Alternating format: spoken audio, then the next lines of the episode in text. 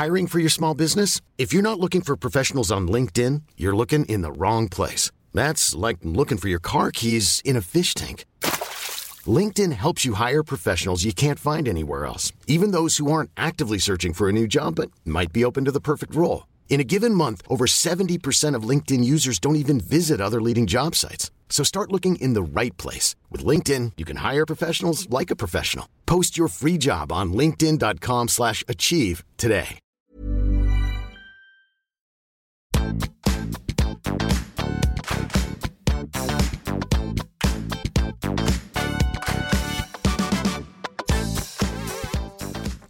Sammen, og velkommen tilbake til podkasten Karriereveiledning med Elaine.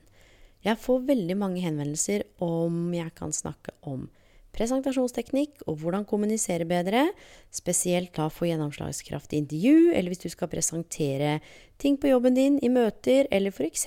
komme med en idé. For jeg snakket jo om i forrige podkast at du kan jo skape din egen arbeidsplass gjennom å komme med en idé til lederen din, men det handler jo om måten du pakketterer budskapet ditt på. Og denne episoden her blir ikke noe fem quick fix-tips for at du skal bli dyktigere. Jeg skal rett og slett snakke med dere om noe som heter storytelling. Og storytelling er jo noe vi mennesker har gjort siden tidenes morgen, når vi rundt, satt samla rundt bålet og fortalte historier.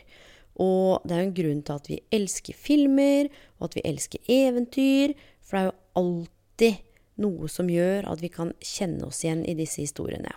Og det er det her som er litt av poenget med storytelling. Det handler om å kunne kommunisere og presentere budskapet ditt på en litt annen måte enn det du kanskje har vært vant til. Og før vi setter i gang, så må jeg si tre korte ting. Det å være god formidler eller benytte storytelling, det handler også om noe som heter etos, patos og logos. Blant annet er dette veldig kjent innenfor retorikk. Og etos, det handler om din troverdighet. Og det handler også om hva slags tillit de som lytter til deg, eller er i møte med deg, eller skal lese det og skrive hvis du skal presentere via tekst. Hva er det du gjør, eller hva er det du har gjort, eller hva er det i den teksten eller det du sier, som er med på å skape tillit? Og har du f.eks. noen gode prestasjoner på jobben, så er jo det ting som kan være med på å skape troverdighet. Eller har du et eller annet prosjekt du brenner for? Det handler jo om å få fram lidenskapen og entusiasmen i det du skal formidle, som gjør at jeg også får tillit til deg. For det er et quote av Carmen Gallo som sier You cannot inspire unless you're inspired yourself. Så husk det, at det kan være lurt å bruke litt tid på å tenke ut hvordan du skal bygge kredibilitet, altså troverdighet, og tillit. Punkt nummer to handler om patos. Og patos er det vi ofte glemmer, og noen ganger så gjør vi det ubevisst, men her handler det altså om å bli bevisst. Og det handler nettopp om å treffe de som lytter, på et nivå hvor du rett og slett skaper følelser. Og det her handler om at istedenfor at jeg skulle gitt dere masse kjedelige data og fakta og statistikk, at man rommer inn det man snakker om i form av en historie. Det er også forsket på via hjerneforskning at det er noe som heter neurocoupling. Og det betyr at hvis jeg forteller en historie, så vil du automatisk bli transportert i den historien hvis du lytter og er til stede. Og jeg skal gi dere et eksempel. Jeg kunne ha, for dere som er nye lyttere f.eks. ikke kjenner til meg, presentert meg med navn, alder, utdanning, utdanning, sivilstatus, litt vanlige datafakta som også kan være greit. Men hvis jeg skulle virkelig fortalt dere hvorfor jeg gjør det jeg gjør nå, hvorfor jeg jobber med det jeg jobber med, så handler det om noe som skjedde når jeg var 13 år. Jeg husker at jeg våkner opp, det er helt mørkt, og så hører jeg at noen romsterer i gangen, for dette var i november. Jeg står jo selvfølgelig opp og ser at faren min står fullt påkledd i gangen på vei ut døra. Og jeg er jo nysgjerrig og litt rebelsk, så jeg sa til pappa 'hvor skal du hen?' Og han er engelsk, så han så på meg og sa 'go back to bed'. Men jeg ga meg ikke, vet du, så jeg fortsatte å mase, og til slutt så ble han litt irritert. Så sa jeg greit, men da kler jeg på meg og blir med deg. Hvordan skal du stoppe en, en eh, entusiastisk 13-åring, holdt jeg på å si. Jeg hadde, bare bestemt meg for at jeg skal være med ut. Så ser han på meg, og pappa har veldig store, brune øyne, og de var litt sånn tomme og triste. Så får han et sånt merkelig drag over ansiktet, og så sier han til meg Jeg har mista jobben. Vi har ikke sagt noen ting til deg. Nå går jeg med avisene på natta. Når jeg la meg den kvelden der Jeg visste ikke at det var noe som het karriereveiledning da, men da bestemte jeg meg for tre ting. Jeg skal hjelpe andre mennesker å komme ut i arbeid, eller ha det godt i arbeid, eller noe som har med at andre skal ha det godt når de i hvert fall står utenfor jobb, at det er noen som bryr seg om de. Nummer to, jeg skal jobbe som leder en dag fordi jeg ønsker at de som jobber sammen med meg, som jeg har ansvar for, skal føle seg sett, hørt, ivaretatt og tatt på alvor. Nummer tre, jeg skal også ha et eget firma innen jeg er 30 år som gjør at ingen kan noen gang gi meg sparken. Og det, mine venner, er jo en av hovedårsakene til at jeg har valgt den veien jeg har valgt i dag. Og det handler litt som, som Steve Jobs sier, om å connecte dots. Det er ikke alltid så lett å forstå alt fremover, men hvis du begynner å se bakover, så kan man kanskje se hva som førte til hva. Og det at jeg valgte å dele denne historien her, gjør noe annet med deg enn hvis jeg bare skulle ramse opp data og fakta. Så det å kunne formidle et budskap som treffer følelsene, det trenger ikke være trist, det trenger ikke være for å få sympati, men rett og slett ramme inn det du skal snakke om, sånn at det er mer enn data og fakta. Samtidig, det tredje punktet handler jo selvfølgelig om logos, og det har jo med fornuft og rasjonalitet å gjøre. Det er jo her det er lurt å ha med seg noe data og fakta. Men en gyllen regel når du skal kommunisere noe eller presentere noe, litt avhengig av hvor stort eller lite det er, er jo selvfølgelig 10% kredibilitet. Bruk litt tid på det. 25% av innholdet skal være data og fakta, og resten skal rett og slett appellere til følelser. Og det handler om at det også forska på hva som gjør at hjernen følger med. Og det er bl.a. når det skjer noe som er spennende, eller i form av en historie, så skiller hjernen din ut altså kortisol, som gjør at du følger med i større grad enn hvis du kjeder deg. I tillegg, når vi bruker storytelling, og spesielt da patos, så skiller hjernen ut oksytocin, spesielt om det handler om et eller annet som har med empati å gjøre. Husk at det er forskjell på empati og sympati når du skal formidle noe. Så dette her med at hjernen skiller ut oksytocin, det handler om at du kan ramme inn historien din om noe som er både hyggelig og positivt, men som også kan trigge noen form for følelser av empati. Og det siste handler om hva som får oss til å føle oss altså, godt. Litt sånn godfølelsen, vet du. Når du formidler noe som gjør at folk får godfølelsen, så handler det om at hjernen skiller ut dopamin. Og mine venner, dette her kan være veldig nyttig å teste ut, og da har jeg Jeg vil ikke si noen konkrete tips, men jeg har noen refleksjoner som jeg i hvert fall bruker når jeg holder presentasjoner, og jeg jobber jo veldig mye med å forelese, å formidle, å undervise, workshoper, masse forskjellig. Én ting er når jeg skal presentere noe eller formidle noe, da er det jo jeg som snakker. Men i en dialog, hvis du skal presentere noe, hele målet er dialog, så kan det jo være lurt å både snakke og lytte, men selvsagt lytte gjerne mer enn du snakker. Sånn at du f.eks. kan avdekke behov, eller i hvert fall at andre mennesker føler seg lytta til. For det er forskjell på å lytte og høre, og det har jeg snakka om tidligere. Ikke multitask så langt det lar seg gjøre.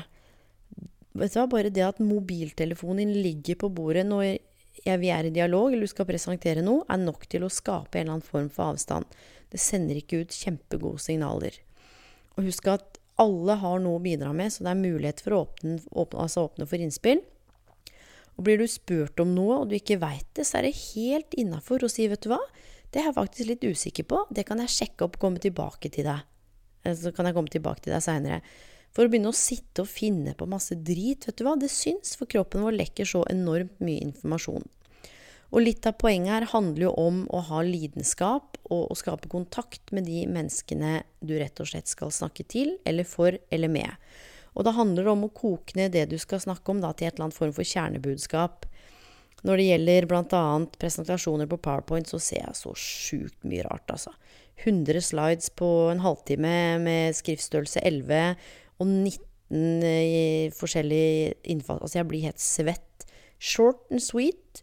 Og hele poenget er at du skal kunne formidle det du skal si, på en veldig enkel måte, i hvert fall hvis det er komplekst. For det betyr at du også i større grad har forstått det selv. Så det handler jo om å eie det innholdet du lager, så det er lurt å forberede seg godt. Samtidig, hvorfor ikke dette er et helt konkret tips, er fordi hvis du forbereder deg for mye, så mister du fleksibiliteten og evnen din til å improvisere underveis og være litt i nuet, kjenne litt på feedbacken du får, og kanskje gjøre litt justeringer underveis. Så handler det også om å skape en relasjon med de som skal lytte til deg, og det kan jo være å starte med å stille noen åpne spørsmål, eller kanskje ramme inn det du skal snakke om, med en agenda, eller noe som gjør at du i hvert fall fremstår som relativt profesjonell hvis det er viktig, og forberedt, og kanskje et eller annet som gjør at publikum kan kjenne seg igjen. Og du kan jo også engasjere publikum eller de som lytter til deg, på møte hvor du har forberedt noen åpne spørsmål eller en oppgave, eller noe som de i hvert fall kan bli en del av. For i all god pedagogikk også, så handler det også om å involvere andre så langt det er mulig. Og skal du bruke digitale verktøy, så er det noe med å bruke det smart. Og husk én ting, folk har ulike innlæringsstrategier.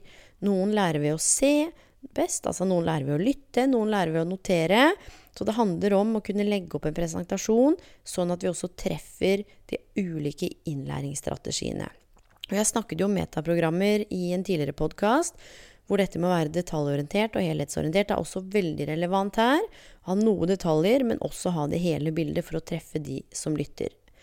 Så er det jo selvfølgelig en fin ting å være mer opptatt av hva du skal formidle, altså hva du faktisk, hva er effekten av det du skal formidle, enn hvordan du ser ut på håret, eller om slipset ditt henger på skeiva, eller om miniskjørtet er litt for høyt opp. Det handler jo rett og slett om hva de som lytter til deg, skal sitte igjen med. Så oppsummert, bygg kredibilitet. Ha selvfølgelig med data og fakta, men ikke less presentasjonen din med det. Sørg for å ha noen veldig gode konkrete historier eller eksempler som gjør du treffer følelsene til de som lytter. Og mine venner, dette var dagens episode. Jeg håper du koser deg med den, uansett hvor du er i verden. Det er dritkult, for det er jo lyttere faktisk fra veldig mange ulike deler av verden. Og vet du hva, jeg blir ekstremt glad hvis du tar deg tid til å gå inn på iTunes og rate den podkasten her. Jeg kjenner at det er litt kleint å be om, men så tenker jeg at eh, hvis ikke jeg ber om det, så det, blir det kanskje ingen som går inn og rater. Og jeg tror ikke det handler om at 'Å, se, nå får jeg masse femmer og ego'. Men det handler om at jeg har lyst til at jo mer folk som rater, jo høyere kommer den her opp på en eller annen liste, som gjør at flere kanskje kan få muligheten, da. Til å få nytte av noen av disse episodene som handler om CV-intervju, søknad, mental trening, karrierekompetanser og det vi snakker om nå. Så det er intensjonen bak hvorfor jeg spør, og så gjør du jo så selvfølgelig som du vil. Så mine venner, Takk og farvel. Jeg har akkurat levert eksamen på masteren i karriereveiledning i dag, så nå sier jeg god aften og på gjenhør, mine venner.